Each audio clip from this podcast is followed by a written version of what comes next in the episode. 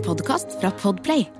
Hjertelig velkommen til eh, Alex Rosén reiser til Mars. Jeg holdt på å si godt nyttår, den eh, påsken er jo lang. Men eh, eh, hva med deg, eh, Alex? Er du klar for en session til med holdt på å si galakseoppdrett? Ja? Tusen takk. Ja. Jeg er veldig klar for galakseoppdrett. ja, Du ser jo litt sånn sår ut i huden. Jeg vet at du ikke har vært på høyfjellet, men du har vel stirret inn i evigheten på stjerner og planeter? da? Ja, jeg har vært veldig opptatt av stjerner i det siste, og lurer på om de, om de er godt for noen. Ja, Det er ikke sånne stjerner som vi leser om i ukeblader. Det er mer Når jeg ser på stjernene, så tenker jeg sånn Å, akk, stjerner, hvor var deres lykke hvis dere ikke hadde de dere lyser for? Ja, men er det, sånn, er det derfor sånn at det er riktig å si at sånn astronomi er en slags form for filosofi? Ja, det er det. For at det, er veldig, det som er veldig sinnssykt, det er å tenke på alle de avstandene og hvor lang tid egentlig ting tar innimellom. Ja, men det trenger ikke å dra ut i verdensrommet for at ting skal ta tid. Jeg veit jo det! Jeg har jo kjent deg lenge, Pedro. ja, det, ta, look who's talking. Eh, Men eh, hvorfor heter det egentlig Melkeveien? Det veit jeg ikke helt. så Det er vel fordi at det er mye melk der, da. Ja, Vi kan i hvert fall slå fast at jorda det er en ganske flott sånn eh, melkerampe, da. Alex Rosén reiser til Mars.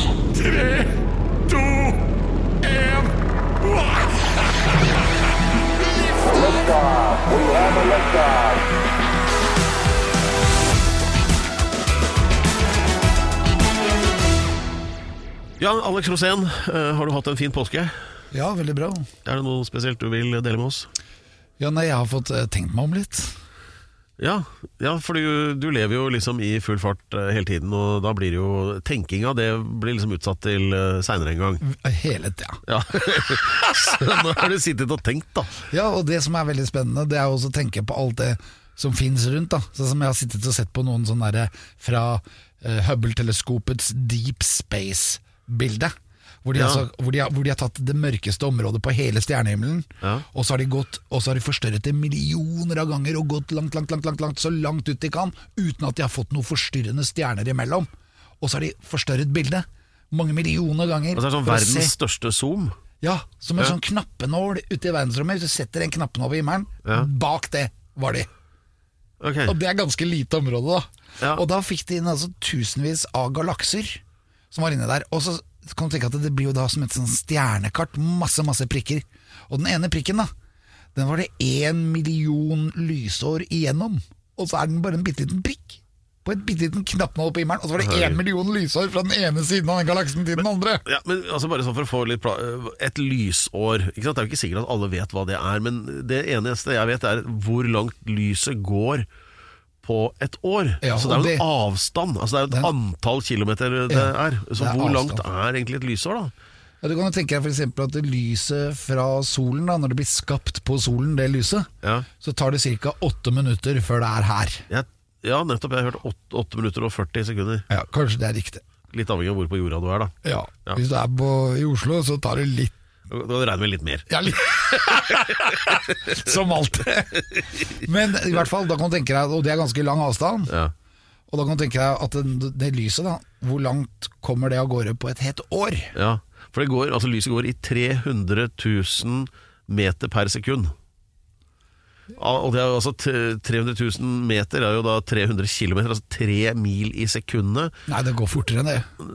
Ja, men det er rundt der, er det ikke det? Nei, det, Det er langt, det, det, er, det er lyden. Det, Per. Nei, jo, nei, men nei det er, ikke- det er lyden lyden er jo Men, men det, er, det går i hvert fall fortere enn det, for du kan tenke at du sitter og snakker med henne i telefonen i, Ja. i Japan. Ja. Så må du jo ikke vente på de mila det skal gå Jo. før han svarer. har du aldri sett nyheter på TV? Da, da, Ja, det, men Det er en der- annen forsinkelse. Det er forsinkelsen opp til satellitter. Da, da sitter de og stiller ett spørsmål til han der andre, også, Bjørn Hansen, Washington. Og det, Han kommer liksom inn tre sekunder Ja, men det, kommer, det er noen andre typer forsinkelser. Ja, det kan ha med alkohol å gjøre. Men Ja. Ja, det er det, men, men den, altså, du sitter ikke og venter lenge på en telefon. Det er annerledes når Nei. du skal via internett og opp til en satellitt, og så kanskje ned til NRK Ja, for å bli crusha litt. Ja, det er ikke sant. Men det var veldig flott å få klarlagt litt hva denne sendinga skulle handle om. Ja. Det er den men- slags Men, men altså, helt alvorlig, du, du Ja, du brenner inne med noe. Dyp, dyp tankegang. Ja. Det som kalles kontemplasjon. Det er det jeg har drevet med i påsken. Og da har jeg sittet og tittet på stjerner Ja. og lurt på om det går an å bruke de til noe. Ja, Ja, Det var et fint bilde. Altså, du sittet og tittet på stjerner. Ja. Ja, Uh, Jeg gjør jo det veldig mye, for jeg seiler jo ikke sant? Jeg seiler jo jorden rundt. Ja. Og så seiler jeg til Nordpolen, eller hvor som helst. Ja. Og når jeg da er ute på tur, så er stjernene alltid med deg. Hvis ikke jeg er overskydd, da. Men da sitter du Ja. og ser på dem. Og så er det at veldig mange av disse stjernene har jo vært brukt til navigasjon. Gjennom stjernenavigasjon. Ikke sant? Når du brukte sekstant i gamle dager, lenge før GPS-en og AP-navigator og satellittnavigator, Ja. så brukte man stjernene. Og, men de kan du bruke ennå. Ja. Fortsatt så står Stella Polaris i nord. Den vil ikke gjøre det alltid, men den gjør det nå. Den har aldri vært mer nøyaktig enn nå, faktisk. Og da, når du ser på den stjernen, da så det Måten du finner den på, er at du finner Karlsvogna. Den er lett. The Big Dipper på engelsk. Da tar du de bakerste delene av Karlsvogna, og så ganger du opp seks-syv ganger opp på baksida. Da kommer du til en stjerne. Det er ganske lett å gjøre det. Du bare tar baksiden sånn oppover, så det kommer bare én stjerne. Det er Stella Polaris. Og den er 433 lysår unna. ja, Fire, og Det betyr at det lyset du ser fra den stjerna nå, det var litt før Tordenskjold blei født. Ok, så eh, Stella Polaris har aldri stått mer dønn i nord enn nå, men hva da med julestjernen Den er fremdeles der den skal være. Nei, for det, julestjernen det tror man jo var Venus. Enten da som kveldsstjerne eller morgenstjerne, fordi den er så veldig lyssterk. Så man tror at det faktisk går en planet. Ja, det, Dette må vi sjekke med Hanne Krogh. Men i hvert fall så øh, skal det ellers da altså dreie seg både om terraforming, som er øh, noe man trenger å ha greie på for å lage ny sivilisasjon på Mars. da Uh, og uh, vi skal også jobbe videre med det veldig sånn høyverdige oppdraget det å få Alex da til Mars. Uh, altså Hvilke egenskaper har han, og hvilke bør han få? Og Jeg vet ikke om det er noe du vil legge til her? Jeg vil gjerne legge til at snart er det mai. Måned mai. Ja. Og da er vi på nedtellinga til å teste ut Spaceship. Da skal Spaceship, det som skal til Mars, altså selve romskipet mitt, det skal kjøre rundt jorda for første gang. Det, er, ditt- jeg blir som ditt barn. Legg legg merke til du kaller det romskipet ditt. Ja, det er mitt romskip. Alex, vi må snakke litt om Megres. Megres, ja. Ja. Det er veldig spennende. Nå er det sikkert mange som klør seg i hodet og tenker på Megres. Noen vil da tenke på fjellet Djebel Megres, altså i Algerie. Noen vil kanskje tenke på karakteren Megres fra World of Warcraft-spillene. Ja. Eventuelt uh, var det Gustavo Megres, en uh, pros- presumptivt fremadstormende musiker på Spotify. Men uh, det er ikke noen av de. Nei, nei, nei dette, dette er stjernen med gress. Ja, du har fått oppheng i en stjerne. Ja, ikke bare én. Jeg har fått, opp, og, og jeg har fått oppheng i alle syv. Eller egentlig så er det åtte, da. Som, Hvilke, hvilke åtte? og egentlig er det noen flere også, for det er jo uh, Storebjørn, eller hva det heter, Ursa Major, da. Som blir dette fantastiske stjernebildet der oppe. Som er da Karlsson er en del av. Ja, Men Karlsson er jo det heftigste, og der er det åtte stjerner i det stjernebildet. ja. Eh, Og Carlsson, det er jo et av disse stjernebildene vi kan se det, som ser ut som en handlevogn. Det er den letteste å se. Ja. Kanskje med unntak av Subaru, som er dette andre stjernebildet, men det skal vi ikke snakke om nå. For Nei. det kan vi ta til et annet program Men det stjernebildet som heter altså Karlsvogna, som består av stjernene Al-Qaid, Misar Al-Qaid? Ja, Al Aliot, men med gress, som er da denne starten av vogna.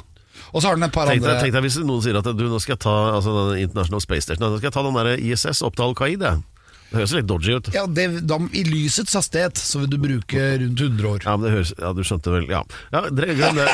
Så det betyr at du blir 250 år da når du kommer, kommer Det mangler jo liksom bare at Ja, Ja, da skal jeg opp der og møte bin Laden. Liksom. Altså, det, det, Ja. høres det er bare sånne ord hele veien her. Da. Ja, for det er, det er veldig mye av stjernehimmelen som har arabiske ord, og det kommer av at noen av de første astrologene som så, fordi dette, dette er jo stjerner som har hatt navnet sitt veldig lenge, Ja. og det er jo ofte da lagd fra Midtøsten. øh, Og for, eksempel øh, gamle filosofer og Nord-Afrika, øh, Irak. Ikke sant? Ok. Dette var jo steder hvor de var åpne, og veldig åpne for stjerner, og ga de da arabiske navn. Ja, ok, Det gir jo mening. Ålreit, men, men så tilbake til eh, Karlsvogna, da. ja, men- ja, hvorfor jeg ble så opptatt av det? Ja. Det er fordi bestemor hadde bursdag! Oh, ja. Bestemor hadde bursdag, og da ble jeg så glad. Og så, Hun er jo nesten 80 år, og da tenkte jeg at yes, da skal vi gjøre noe gøy. Da skal vi gå ut på verandaen og så skal vi se på Karlsvogna. Og så skal vi se opp på den, fordi all, nesten alle stjernene i Karlsvogna, utenom to eller noe, ligger 80 år unna. Eller 82 lysår unna. Ja. Og det betyr at når da bestemor blir 80 år, så er- er det lyset du ser her nå, det er fra når du er født. Ja. Er ikke det fett? Jo, det er jeg jo det. det er helt rått. og som gammel navigatør da, på båter, så får jeg dette opphenget da, i stjernene. Og jeg skjønner jo at de ligger så langt unna at vi aldri kommer til å nå dem på en eller annen måte. Den nærmeste stjernen er vel Alfa Centauri. Det er en veldig sånn lyssvak stjerne, så den ser du ikke engang fra jorda. Men den ligger jo da fire og et halvt lysår unna. Ja. Og det er også en enorm avstand, og det er den nærmeste stjernen. ja. Så, uh, så Karlsvogn, altså. Men Carl, hvilken Carl er det? da? Er det Carl den store den er kalt opp etter? Eller er det kanskje Charles Chaplin? Eller Carl og Co.? Eller hva, hvor kommer Nei, den fra? heter jo ikke, altså, den heter jo ikke Karlsvogna, den heter den jo bare på norsk. Den heter Big Dipper på, på engelsk. What? Big Dipper, ja. Er det der det kommer fra? Ja, og det er fordi at du ser ut som et øsekar. Du kan holde i den der trekkesaken, Ja. og så kan du øse båten din med den. Ja, jeg tenkte på liksom kasserolla. jeg tenkte den ser ut som. Men, eh, Ja, men men det er ikke, det er ikke dumt. Det er jo, da kommer Big Dipper, da.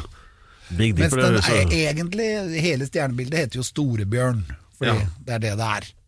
Og Lillebjørn, da må du opp til den der polarstjernen. Da igjen, da må du telle Ja. baksida av Karlsvogna, opp de sju stegene, og da ser du håndtaket til Lillebjørn. Den ligger der oppe. Håndtaket til Lillebjørn. Det, Det er sånn derre Stella Oh, Polaris. the innuendos. Ja.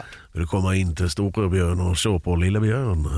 Og så er det, og så er det det er, Men det er så spennende altså, med alle disse stjernene. Du kan også ta en titt på Innimellom så har vi jo Orion, stjernebildet Orion, da, med Orions belte. Ja. Og der har du faktisk et par galakser du kan få øye på med en litt god kikkert. Og det er ikke mange galakser vi ser. Vi, nesten alle stjernene vi ser på himmelen, er fra Melkeveien. Så nå du- var det stjerneprat. Ja, men sant, altså, du har jo sånn helt sånn uh, ut, utømmelig uh, på, på, på info om alle disse stjernene. Er det på noe vis nyttig for deg å vite alle disse tingene? Ja, jeg er jo en stjerne sjæl, så Ja, men ikke, ikke svar sånn fleipete.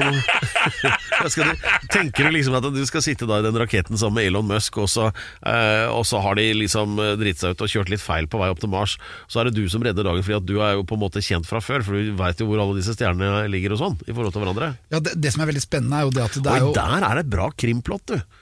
Altså sånn der Reisen til Mars. At det er liksom øh, øh, altså Det går litt dritt underveis. Altså, sånn, Istedenfor sånn som det er på sånne flyfilmer sånn øh, Finnes det en pilot om bord? Så er det mer sånn uh, Finnes det en sånn stjernenerd om bord? Så kan du finne ut hvor i helvete vi er. For det, det vil jo forandre seg, men du må reise så langt før det begynner å forandre seg. Ja, Sånn det er jo Ting går jo veldig treigt i verdensrommet, på en måte. Du kan si at det går Ja. veldig fort inni disse stjernene. Men Ja. mellomrommet mellom dem, og de konstellasjonene man har Det fins jo konstellasjoner der som er flere stjerner som er påvirket av hverandre. Ja. Og det er jo I Karlsvogna så er det vel litt over halvparten av de stjernene er i en konstellasjon som er nærme hverandre. ja. Det er bare noen lysår imellom. Ja, jeg skjønner. Ja, øh, ja, og om du ikke trodde at øh, hodet ditt var tettpakka som en Amerika-koffert med info nå, så skal det bli enda tettere, for snart skal vi få inn selveste informasjons... øh, hva skal vi kalle han? Uh, informasjonsmitraljøsen Eirik Newt her. Ja, det skal vi. Og da skal det dreie seg om terraforming, vet du hva det er? Ja, terraforming, Ja. det er det vi har tenkt til å gjøre når vi kommer til Mars. Så har vi tenkt til å gjøre om klimaet på Mars til å bli nærmere jorden. Terra, det er jord. Ja. Ja, pom de terre. eh, Jordeple, som de sier på, på enkelte steder med kraftige dialekter. Eller som også da er poteter. potet. Ja, ja. Noen lager sprit her også. Men nok om det. Eh, om litt altså mer om dette, og jeg henter kaffe.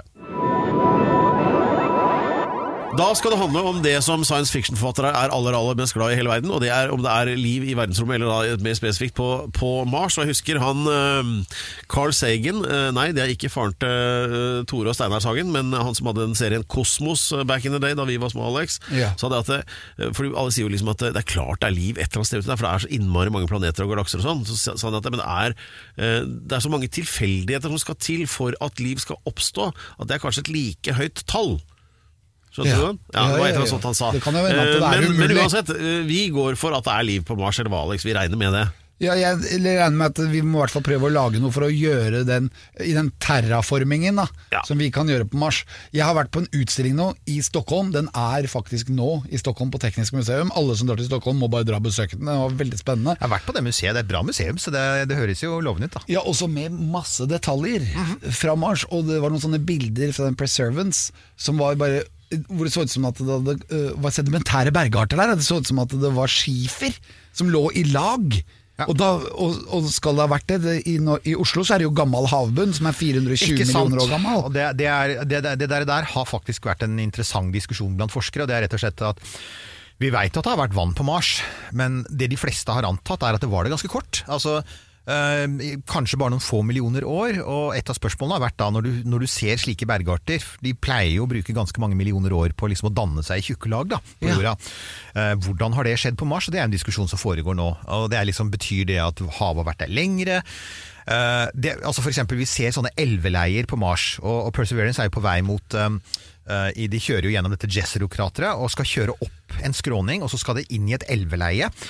Gammelt uttørket elveleie. Og Det er da det for øvrig blir interessant med denne norske georadaren Rimfax, for det er da man håper på å virkelig begynne å se spennende ting. Og det er blant annet å se om det er noen sånne lag under Ja, For er det det, så er det jo fossiler der. er, hvem veit, ikke sant? Men skal det være fossiler der, og skal det være sånne avleiringer, da, eh, steinlag, så bør det ha vært vann en stund. Og en vanlig, den vanligste teorien er jo at disse elvene har oppstått veldig fort. At det har vært sånne flomavleiringer. Altså at du har hatt f.eks. en isbre, og så har den brutt sammen, og så har det plutselig bare fosset ut masse vann. Og så har det gravd ut et elveleie i løpet av f.eks. noen tusen år, og så er det over.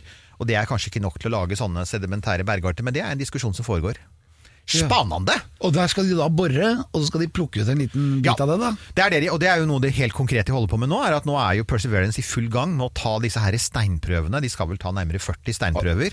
Har de fått, har de fått noe resultat? Nei, og det er fordi at de steinprøvene er nå legges i steri, sterile små metallbeholdere. Lokket skrus igjen. Og så skal de, på et eller annet tidspunkt, så skal man finne en passende landingsplass som er helt åpen og fin.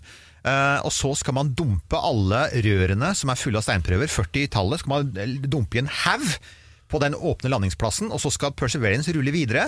Og så skal det komme et rakett fra jorda eh, og lande. Eh, og oppå den raketten så står det to ting. Det står en sånn rover, som egentlig er veldig enkel. Den har kameraer og så en gripeklo. Og så skal den kjøre bort til den haugen med rør, og så skal den ta rørene ett for ett, og så skal den frakte det tilbake til den andre tingen som står på plattformen. Det er en rakett som skal opp i rommet igjen, fra Mars for første gang. Og den skal tilbake til jorda. Så da skal denne roveren skal fylle denne raketten. Den har en liten kapsel på toppen. Fylle den kapselen med disse metallrørene, med prøvene. Og så skal den skru igjen topplokket på raketten, og så skal raketten ta Alt skjer automatisk. Den skal ta av opp i rommet, og oppi rommet så skal den dokke med en annen rakett som venter der, og som skal ta den med tilbake til jorda.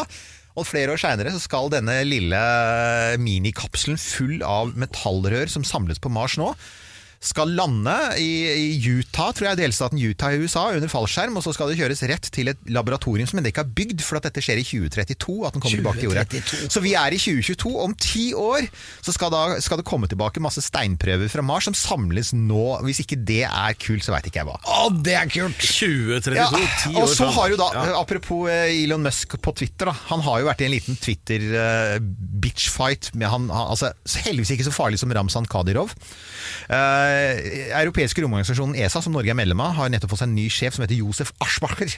Og Josef Aschbacher han, var, skulle, han erta jo Elon, da, så han sa eh, ja, vi kommer jo til å komme tilbake med prøver fra Mars lenge før dere, altså underforstått eh, disse robotene. Dere kommer ikke til å ha hatt mennesker på Mars innen 2032, sier da Josef Aschbacher. Og Elon bare svarer 'game on'. Så der er vi i gang. så vi er Så ja. Det er min nye låttittel. Ja. Game on! Ja, ja, ja. By the way! Du sa noe med Carl Sagen og Tore Sagen og alt det der. Det er jo en historie der, da. Altså, ja, ja, Er selvfølgelig. det, er alltid, alltid, alltid en historie, ikke med Tore Sagen, men med Carl Sagen. Han har jo, han hadde jo, har jo sønner, altså de lever jo fremdeles.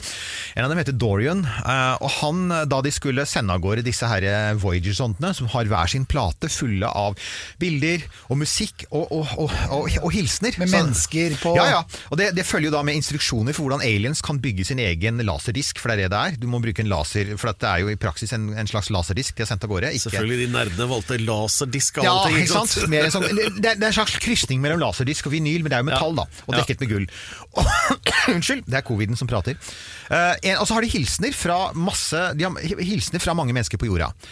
De er annet hilsener fra FNs generalsekretær på det tidspunktet, som het eh, Kurt Waldheim. Og han Ja. eh, ble det jo litt skandaler rundt, for han Ja, han seg var jo vist seg sånn ja, nazi-entusiast. eh, det, var en, det var jo første gang Arnold Schwarzenegger skjønte at det ikke var så lurt å være østerriker, for han var jo en støttespiller for, for Kurt Waldheim og måtte etter hvert si Og gi, det visste ikke noe om holocaust, men det er jo sånn en annen ting. Ja. Så Kurt Waldheim han, han jo, måtte jo trekke seg eh, i, i skam, og så ble han, han ble president i Østerrike. Eh, og han var jo faktisk boikotta i årevis, det har vi jo glemt nå, men på, på 80-tallet så var det jo sånn at ingen ville prate med Kurt Waldheim. Men her er saken. Han er FNs ambassadør til universet. Ja. Så i filmen Contact, som jo er basert på en bok skrevet av Carl Sagen, og han skrev filmmanuset, der er jo den første hilsen vi får fra verdensrommet, er jo faktisk Hitler, som åpner OL. Mens i virkelighetens verden så er det jo, det er jo en space nazi! Så space nazis are real! Det er jo da faktisk Kurt Waldheim er uh, vår ambassadør til universet. Men i tillegg så fins det da et barn som uh, De har hilsener på masse språk, bl.a. på svensk, ikke Ja. på norsk. Hvilken- Tjena! Tjena! Ja, spola krøken! Tjena alle aliens! Har du sett filmen Satan Satellites? Jeg har ikke det. Den må du se. Ok, takk. Notert. Men, men hva sier dette barnet, svenske Dette barnet? barnet sier 'Greetings from the children of earth uh, to space' eller noe sånt. Nå. Det barnet er da Carl Sagans uh, sønn Dorian. Så ja, det er, det er faktisk et uh, Det er et Sagen-barn på vei ut i universet også. Ja. Og da selvfølgelig mye hyggeligere. En, selv om jeg tror han har skrevet ganske sånn stygge ting om faren sin i ettertid, men det er en annen historie. Ja, det er drama i space òg. Ja, drama i space. Nå ble vi plutselig litt mer sånn derre influenser uh, Ja, Nå, nå er det Tu- Tu- Tu- Tusvik og Vi må tenke på Ja, vi må tenke på the human interest-siden Ja, ja, ting, helt klart. ikke bare Den siste lille sånn der juicy sladderen her, ja. Nei ja. Men tenk deg, altså alle som har lest 'Fluenes herre', vet jo det at med en gang du låser inn eh, 30 mennesker på en eller annen sånn stasjon oppe på Mars der, så blir det drama. Det er fremdeles det eneste, altså dette Mars One-prosjektet som var sånn diger scam, sånn pyramidespill som lokka masse mennesker. Det eneste som faktisk var, Den eneste ideen som virkelig var god der, det var å betale for hele greia med å lage et kjempesvært realityshow. Det, er- det er faktisk en god idé. Altså Å tjene penger på livestrøm av alle konfliktene som oppstår mellom de som er innesperret 300 millioner kilometer fra nærmeste McDonald's, ja. Det, det får du lett sendeavtale på hvis du har tilgang på noe sånt, ja. Ja, ja, ja. Loose cannons in space. Ja, ja, ja. Men det er der jeg sier at det, det, helt klart hadde det vært tilfellet, så hadde jo du vært gull. Der har vi, Nei, nei, nei, Der har vi jobben din, Alex. Der hadde du jeg bare se, dumpe deg i sånn Ja. der reality-setting. Sånn der, folk har vært isolert og ikke sett et annet uh, Jeg synes jeg ser meg selge inn den til Elon. Yes, yes, Elon, and uh, you know, I have experience from both uh, Shall We Dance and Farmen-kjendis. Ah, ah, ah! Vent nå litt. Har du vært med i Skal vi danse? Ja. Du også, ja. Har du? Hvilken sesong? Jeg var sesong to, jeg. Og jeg, jeg var sesong ti, sikkert. Ok, ja, ja, ja. Ok, ja nei. Jeg har, jeg har takket nei til Farmen da, flere ganger. Og det, vet du hva, det, grunnen er jo eh, altså, En av grunnene er at hver jævla gang de har ringt, så er det sånn rett før så sånn Ble kjørt av gårde i ambulanse. Har vært arbeidsufør i tre år etter Farmen. Var sånn, ok, takk, dere, dere er så flinke til å reklamere for dere sjøl. Nei, jeg skal ikke ta den kroppen min inn der. Og, altså, sånn, et, etter to år lager Eirik snakker om den tunge tiden og den ødelagte ryggen. Det hadde vært gøy å ha deg på Farmen, for jeg kunne vært sammen med deg der. Ja, og så er det det at det, vi hadde hatt noe å snakke om hver eneste dag. Ja, det hadde vi. Ja, helt klart. Helt klart. Og jeg ser jo helt klart at jeg er Altså Alle som har sett meg, ser jo at jeg helt klart er en jordbrukets mann. Ja. en jordens mann. Du hadde i hvert fall klart å skille fløten fra melken. ja, det, ja, er du gal? Det er jo bare forskjellig tetthet. Hallo, alle vet jo det. Yes. Ja da. Nei, da, så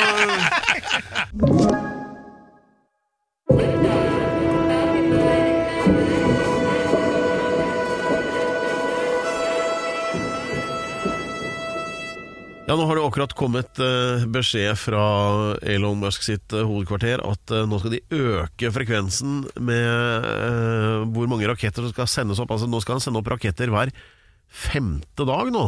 SpaceX. Ja. Ja, Hva, det, kan du forklare hva som egentlig ligger i det?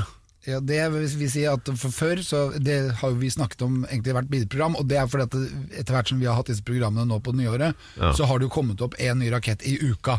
Det vil si nesten hver sjuende dag. Kanskje litt mer og åttende dag. Ja, hva, hva gjør da- alle disse rakettene? er egentlig det vi lurer på nå. de, går, de fleste av de har vært til dette Starlink-systemet, som skal eh, legge da eh, et internett rundt hele jorda. Det skal opp 24 000 satellitter eh, når det skal være ferdig. da. Eh, Og det vil virke når det, det virker jo allerede. I Ukraina eksempel, der har de jo brukt, brukt det lenge, så der står det jo masse satellitter. Jeg tror de har kommet opp i noe sånt som til, i underkant eller overkant av 3000 satellitter som har kommet ut. Ja. Og så, Det er jo det de rakettene gjør mest.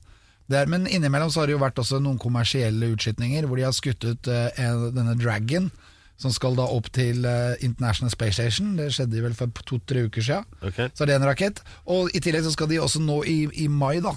Og, det er antageligvis utsatt til juni, ifølge Erik Newt. da Og det er jo det at da skal de skyte ut den første rundkjøringa av jorda av spaceship. Rundkjøring. Ja, det er å kjøre én runde. Å sånn, ja. Er, på den måten så fungerer jo jorda som en rundkjøring. Ja, Da trodde jeg at Bymiljøetaten i Oslo hadde begynt å få en finger med i spillet her. Ja, da legger vi ei rundkjøring da, rett ved Pluto. Ja, men sånn er jo jorda er jo rund, og Ja. derfor så vil den jo fremstå som en sånn rundingsbøye. Ja. Og det er jo det, men det blir veldig spennende, fordi at eh, alle de utskytingene som har vært med Spaceship, det har bare vært sånn ut, eh, opp 2000-3000, kanskje 5000 meter. Og så har de stoppa der, Ja. og så har den dettet nedover igjen, og så har de prøvd å lande den. Og mange av de har jo eksplodert. Ja. Så de har jo nå utvidet den motoren, da, den her eh, rakettmotoren, til å bli enda større og enda heftigere. Ja. Og så har det jo da blitt utsatt, for de skulle jo I januar så var jo Mars planen. At Mars da skulle uh, bli skutt ut, denne Spaceship.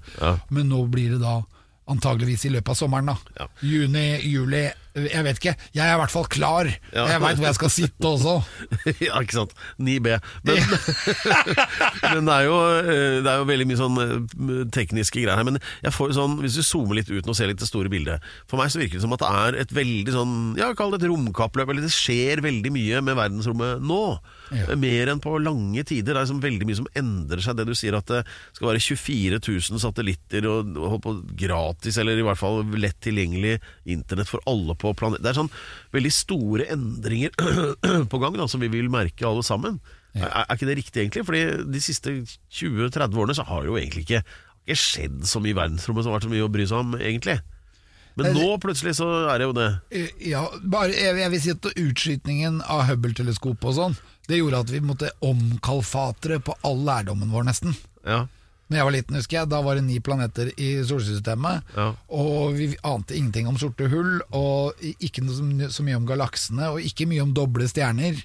Sånn at det, er- det skjer noe hele tida. ja, ja. Og det er sånn veldig spennende. Det, men hvorfor det blir så mye utskytninger, er jo for at han skal ha opp det der internettet. Grunnen til at han skal ha det internettet, er for at når vi skal terraforme Mars, da, eller vi skal sende folk til Mars, når vi skal lande der, så skal vi ikke kjøre denne raketten sjøl. Vi skal ha en autopilot. ja, ja.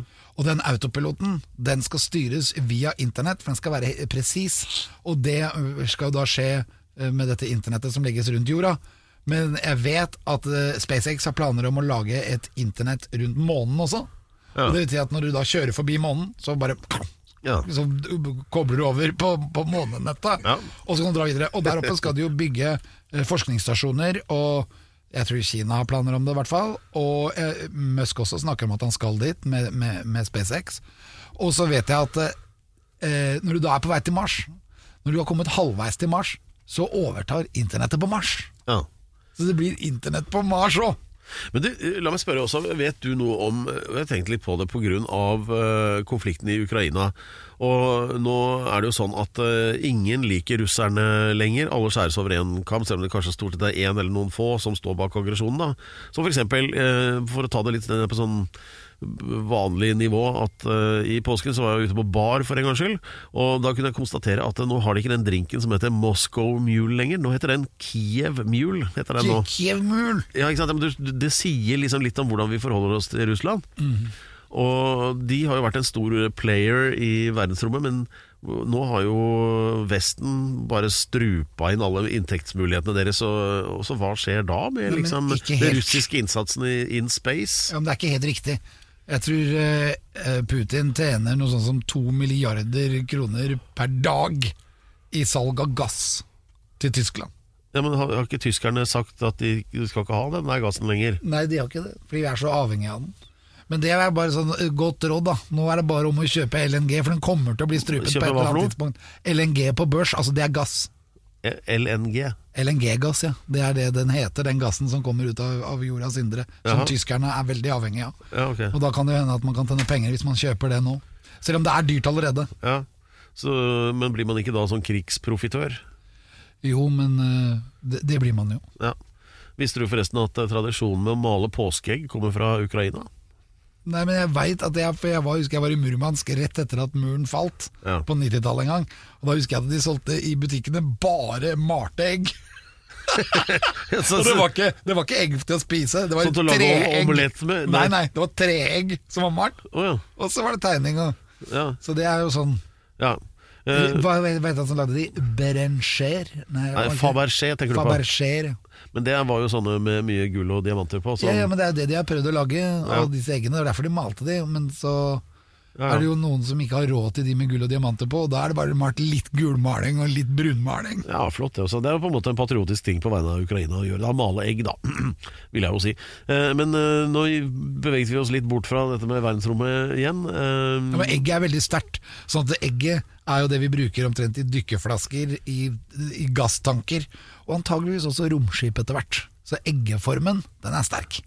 Ja, øh, ja, hvordan da tenker du? Altså aerodynamisk Prøv- og sånn, eksempel? Nei, men prøv å ta et egg og knus det. Hvis det ikke er Du klarer ikke å gjøre det med hånda hvis du ikke er en sprekk i det. Husker du jeg ga deg en utfordring med at uh, det er umulig altså, altså, De sterkeste musklene du har på kroppen, det er, uh, det er rumpa. Altså setemuskulaturen, da. Rumpeballene. Eh, og, Og men, du, men, du, men du klarer ikke altså Hvis du tar et egg i sprekken bak der, så klarer du ikke å knuse det bare med styrken av de store musklene i setet. Du klarer det ikke. Nei, jeg klarer ikke å knuse noe, jeg der. det klarer ikke du heller. Rumpeknuseren! Ja, nei, det nå er- Gianfranto Loca de la. Rumpeknuseren! Det er en morsom film, da. Men har du, har du, du får lyst til å prøve? Ja, jeg har prøvd det. det gikk dårlig? Ja, jeg har prøvd prøvd å kaste meg på det i går. Er elendig. Ja, nei, det er sant, den sterke Men vet du hvor begrepet colombiegg kommer fra, da? Ja, Det kommer fra en eller annen som knuste et egg og bare satte det sånn. Ja, men hvem tror du det var? Columbus. Ja, fordi at uh, det, var, det, var, det har med å tenke utenfor boksen å gjøre. At Ja. uh, Utfordringen var hvordan skal man få et egg til å stå på høykant på bordet. Og det var det ingen som klarte av disse her glupingene. De satt liksom og diskuterte det på en eller annen sånn hoff i Italia sikkert eller noe. Ja. Og så, For Columbus at det kan jeg få til. Og de andre sa nei, det går jo ikke. Så tok han det bare så bare knuste det, ja. Og så bare sånn Så ble det jo stående, da. Yeah. Og så sier de ja, men du, du knuste det jo. Ja, men det var ingen som sa at jeg ikke kunne det. Det er colombiegg. Altså du tenker utenfor boksen, da. Ja, det er sånn som vi gjør hver dag. Ja, eller eventuelt skal vi begynne med det nå.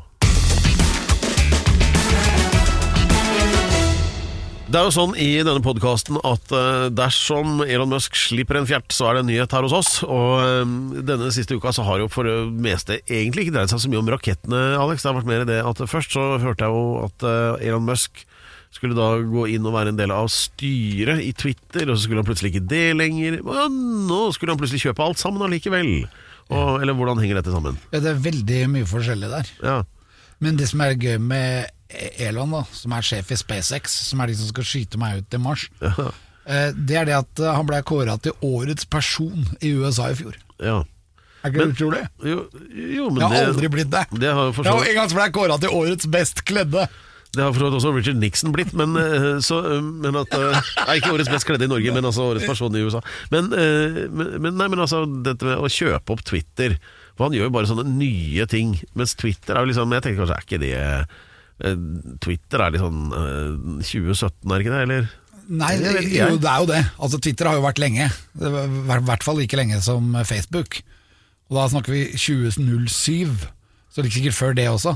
Ja. Så, så, så Twitter er, men, det, men det som er greia, er at eh, Elon han bygger jo For å bygge på Mars, så bygger han infrastruktur. Ja. Infrastruktur, infrastruktur. Og det er alt fra broer til flyplasser, til strøm, energi, til eh, sykehus. Altså alt du kan tenke deg som et menneske trenger for å overleve. All den infrastrukturen vi har rundt oss. Ja. I den infrastrukturbildet der, så er Twitter.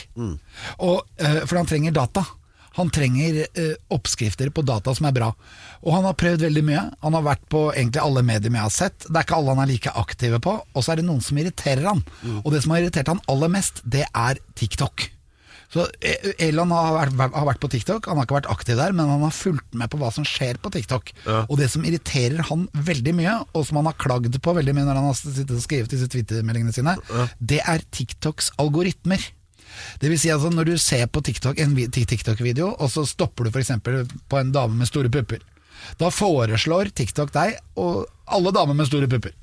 Så, og, og, ja, ser sånn, ja. Ja. et, et dyr som spiser opp en sebra, Ja. så da gir han opp alle dyr som spiser opp andre dyr. Så får du masse sånne sånne dyrevoldbilder, da. Ja, Det er jo sånn eh, alt på internett fungerer egentlig. Det foreslår hele tiden Ja, ting alt. som ligner på noe du har Med- søkt på før. Unntak Det er derfor av jeg- Ja, men Pedro, Ja. med unntak av Twitter.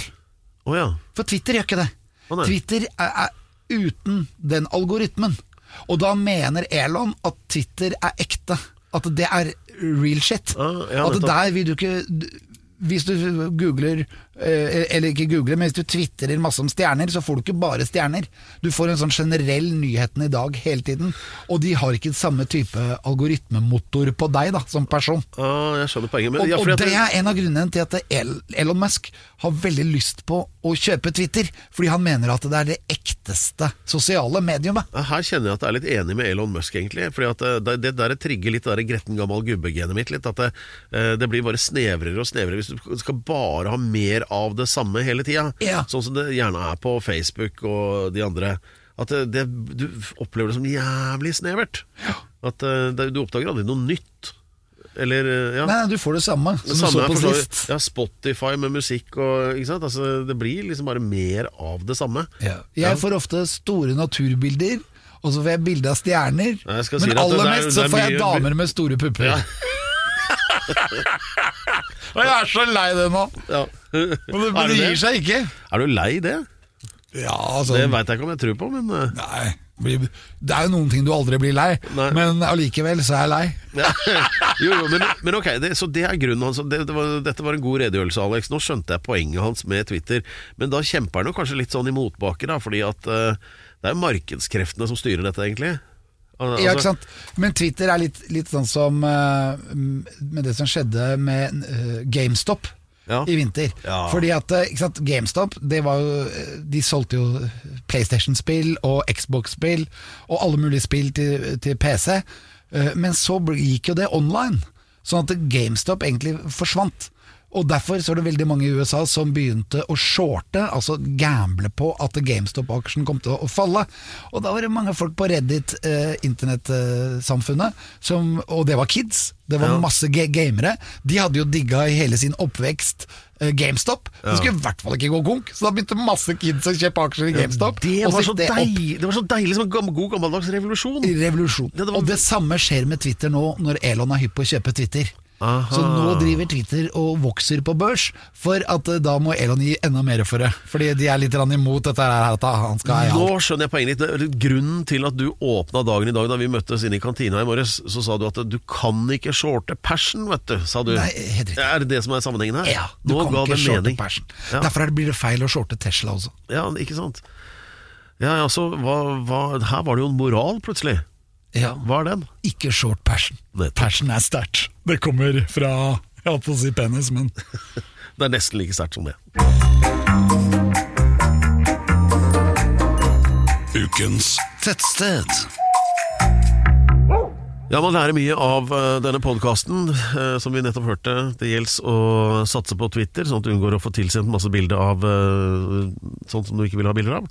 Eh, men eh, det som derimot er vakkert, det er alle bildene du poster fra små og store steder i Norge du reiser innom, eh, Alex. Jeg er veldig fascinert. Ja, og din kjærlighet for de små norske tettstedene Den har manifestert seg i denne podkasten som altså da ukens tettsted, som er altså en kåring som skal frem, fremelske da steder som bør og kan gjenoppbygges på Mars. Ja, fordi man skal jo da terraforme Mars, og og man skal da bygge ut Mars som planet, sånn at det skal være mulig å leve der. Ja. Og da trenger vi noen fete steder å dra til. Ja. For du gidder ikke å badere til Mars og så sitte inni den raketten og titte ut av vinduet. Nei, så Jeg ser for meg liksom at hele Mars har bare steder som har sånne norske navn. Altså, sånne Ja, men Mars- Båtvoll og Lampeland og alle de, det, det blir jo så fint. Ja, Mars er litt mindre enn jorda, så det blir nok litt mindre med tettsteder der. Ja, men det er jo veldig mange norske navn rundt på planeten her også. New York eksempel er jo norsk, og ja, det er masse. Og Uh, dette skulle jeg forberedt litt, for da skulle jeg hatt en fire-fem eksempler til. Ja, jeg skal notere meg, så skal jeg ta det neste uke.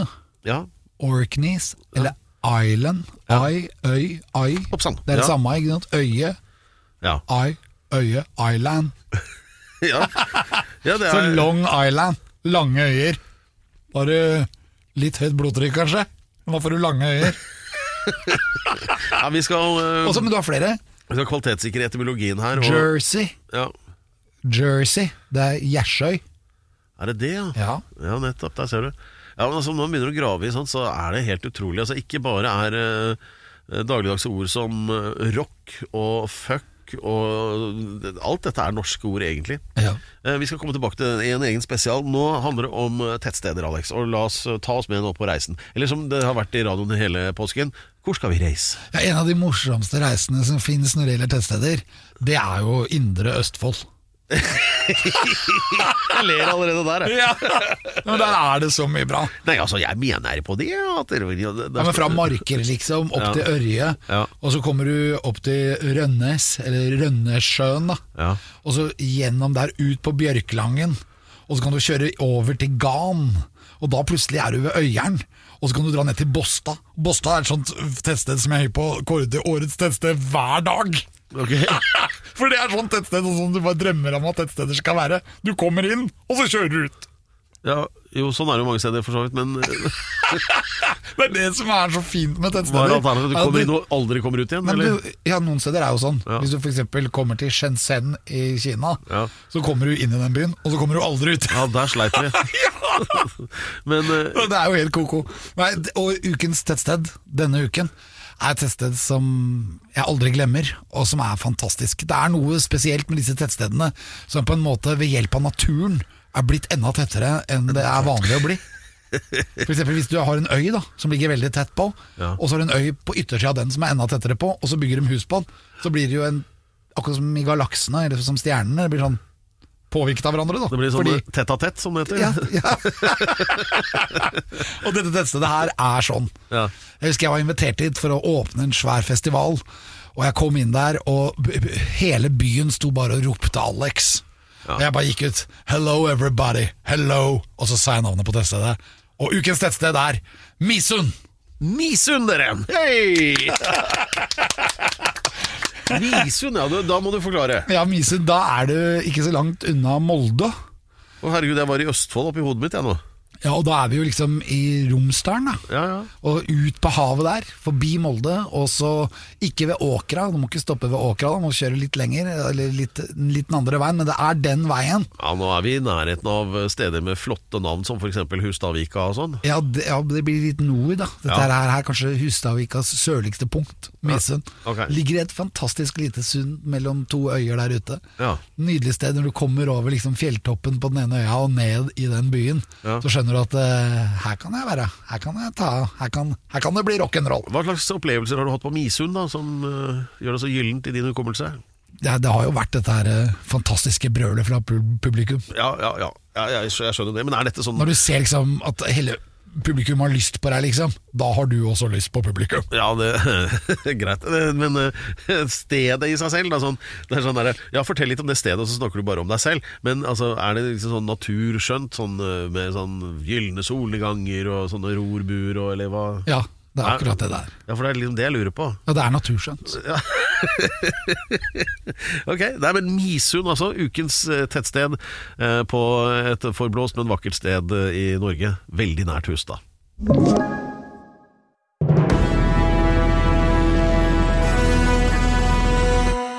Så til Ja, lag en liten fanfare. Ja. Ja, Flott. Dette er det innslaget hvor Alex trenger minst betenkningstid. og Det er der han skal komme opp med 100 grunner til hvorfor nettopp han ble plukkes ut til å være astronaut om bord i eh, romskipet til Elon Musk da på vei til Mars, som en av de første. Eh, Vi har kommet til grunn nummer 88, teller ned fra 100, og det har vært både tålmodighet og god balanse og godt humør og kokkeegenskaper og i det hele Og bra tatt. smak. Ja, det har vært mange ting. Eh, Så når vi da har kommet da til 88 vi, vi er jo ikke i nærheten av de viktigste Nei, det har av disse kommet hundre ennå, men uh, sikkert viktige alle sammen. Alle, si. alle grunner er viktig. Ja. Uh, Så jeg gir bare ordet til deg. Det er som i et mattestykke. Alle tallene må med. Ja, Hvis du tar ut ett, så blir det vil du få katastrofale følger for sluttpoenget. Da blir det feil. Ja, Så enkelt er det. ja, det er ikke noe lurt, det. Nei, så Nei da, så ja. Ja, nei, den grunnen nå er en av de grunnene som er litt mer sånne diffuse grunner. For ja. Du mener de andre ikke er det? ja, nei, de, de, I sammenhengen så er de ikke diffuse. Da er de veldig bra. Ja. Men det er noen ganger, ikke sant, hvis du f.eks. er veldig opptatt av yogameditasjon Jeg er jo ikke det. Ja, Hvis du går ut i yogagreier og så føler du at du har en slags kontakt med folk, så er det bare du som har det. ja, sånn, ja. Så Derfor er- kan det være litt diffust for meg å liksom få så mye ut av din kontakt med, med åndelige Ja, eller hvis du er veldig opptatt av sånne rollespill og sånn, og føler at det gir mening å se Game of Thrones. Ja, så Denne grunnen i dag er litt sånn, fordi det har, har å gjøre med hvordan jeg fremstår. Når jeg f.eks. møter deg om morgenen, eller vi møtes på byen, eller Vi Ja. møtes i arbeidssituasjon, det gjør vi veldig ofte. Ja. Eller hvis vi møtes over en uh, pils og en Ja. kul rockelåt. Eller uh, han derre kameraten din, Lionel Richie. Du sitter, sitter med litt klump i halsen og hører på Lionel Richie-sangen? Det er det jo bare du som gjør. Nei, det er ikke Og, nei, men, nei, det er- det mange som gjør det, men uh, jeg gjør det ikke. Vet du hvem som er verdens mest eh, vellykkede artist gjennom tidene? Lionel Richie. Ja. Og grunnen til det er at eh, ingen har hatt flere nummer én på Billboard som utøver eller komponist altså flere år på rad. Han hadde det ni år på rad, så han hadde nummer én på Billboard. Ja, det er jo Tenkte bare det. å gratulere. Ja, det er jo det. Det er vel derfor du digger han. Ja, det er det. Men uh, i hvert fall det har litt grann med Lionel Richie å gjøre. Eller i hvert fall med dette her Uventa vending her nå. Ja. Ja, fordi dette her er en ting som henger veldig bra i konstellasjon med alt det andre. Ja. Sånn som at jeg har god munnhygiene, Ja. som at jeg kan lage mat f.eks. lettvint med få ingredienser, Jo, eller. Det er, få sant, det er jo sant, det òg. Ja, men så nå er vi litt i det der drømmelandet. Okay. Altså i det derre med å sitte og ha kontakt med det åndelige. Fordi jeg har så god aura. oi. Uh, ja vel. Så det er uh, ukens God grunn aura, til at jeg skal være med. Det at jeg har en varm og god aura. Og det eneste jeg lurer på er, hva er fargen på auraen min? Jeg har på følelsen at den er litt oransje. Kanskje litt rødlig. Jeg tror ikke det er så mye blått inn, men jeg veit jo ikke. For jeg vet ikke hvordan man beregner Nei, nå farge på aura. Altså, nå er det litt sånn der eh, glockenspiel og Jeg hurra brokadeskjørt på det. Ja. Jeg husker bare en gang du hadde en god og varm aura, og det var i bilen dagen etter at du hadde vært på byen i Stockholm, og den, da kjørte jeg med vinduet oppe, for å si det sånn. Men, eh, men eh, ja vel. God og varm aura, det, det er Ja, litt også- kumbaya ute og går her nå, Alex. Jeg må si det. Det er det. Jeg prøvde å forberede deg på det. At Ja. det fins da åndelige ting som er sånn Sånn de som egentlig ikke kan bare sette fingeren på. Han har god aura. Okay, Men du vil merke det. Altså, vi har vært venner lenge nå. Du har et I over 20 år. Ja. Vi har vært, nesten 30 år har vi vært venner. Ja. Og vi har jo ikke vært uvenner. Nei, det er jo sant. Her spiller nok auraen litt inn. Ja, så du er åpen og At det er en, et åpent sinn, er det litt det, det da, eller? Nei, det er aura. Sinn, det er neste grunn. det. Ja, aura, jeg ser. Ålreit, eh, vi kjøper den. eh, Men spørsmålet mitt til alle lytterne er hvilken farge har jeg på den? Og mitt spørsmål til deg det er hvor mange kilowattimer er i et lysår?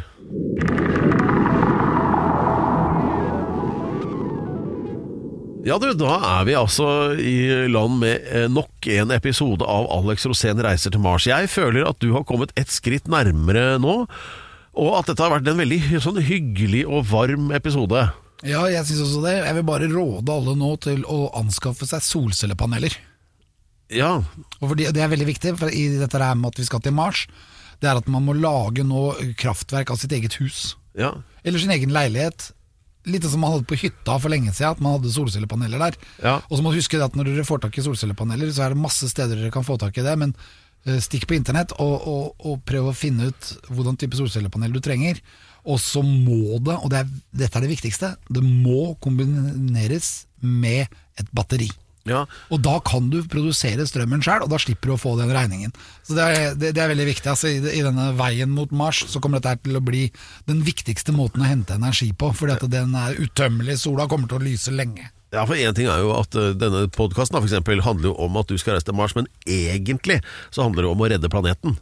Ja, det, ja, det er det som er grunnen. Ja. Vi hadde ikke reist til Mars hvis det ikke var for at vi skulle redde jorden fra global overoppheting. Ja, så har vi jo det der med at uh, Ja, det er klart at uh, vi bør alle prøve å gjøre vårt og, og for å liksom minske belastningen på kloden og, og så videre. Og da det der med strøm, da, det burde jo egentlig selge seg sjøl, tenker jeg. Fordi at, uh, og særlig nå med de strømprisene som var det siste halvåret, eh, som alle merker. Altså, du betaler jo nesten mer i strøm enn på huslånet vanligvis. De, de fleste har jo sånn. Ja. Eller det veit ikke jeg, da. Det har ikke dekning for å si helt men det er i hvert fall dyrt. du- da. du gjør det. Det er helt Ja. riktig. Ja.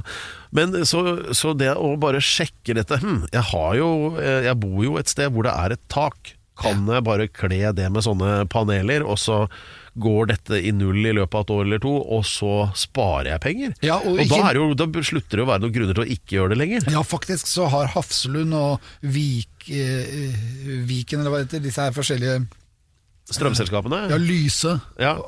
Alle disse her forskjellige strømselskapene har nå laget et program hvor de eh, inkluderer plusskunder. Ja.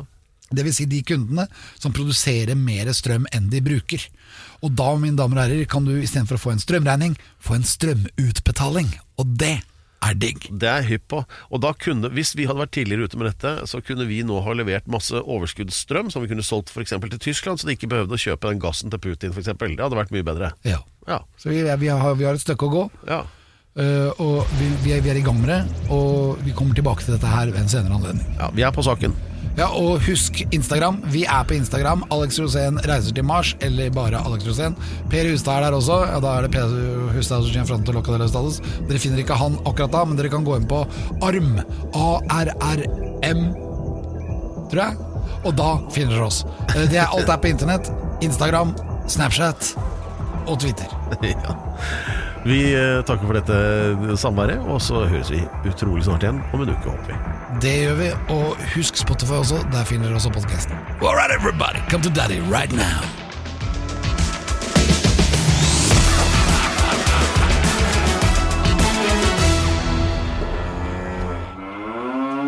Du har hørt en podkast fra Podplay. En enklere måte å høre podkast på. Last ned appen Podplay, eller se podplay.no.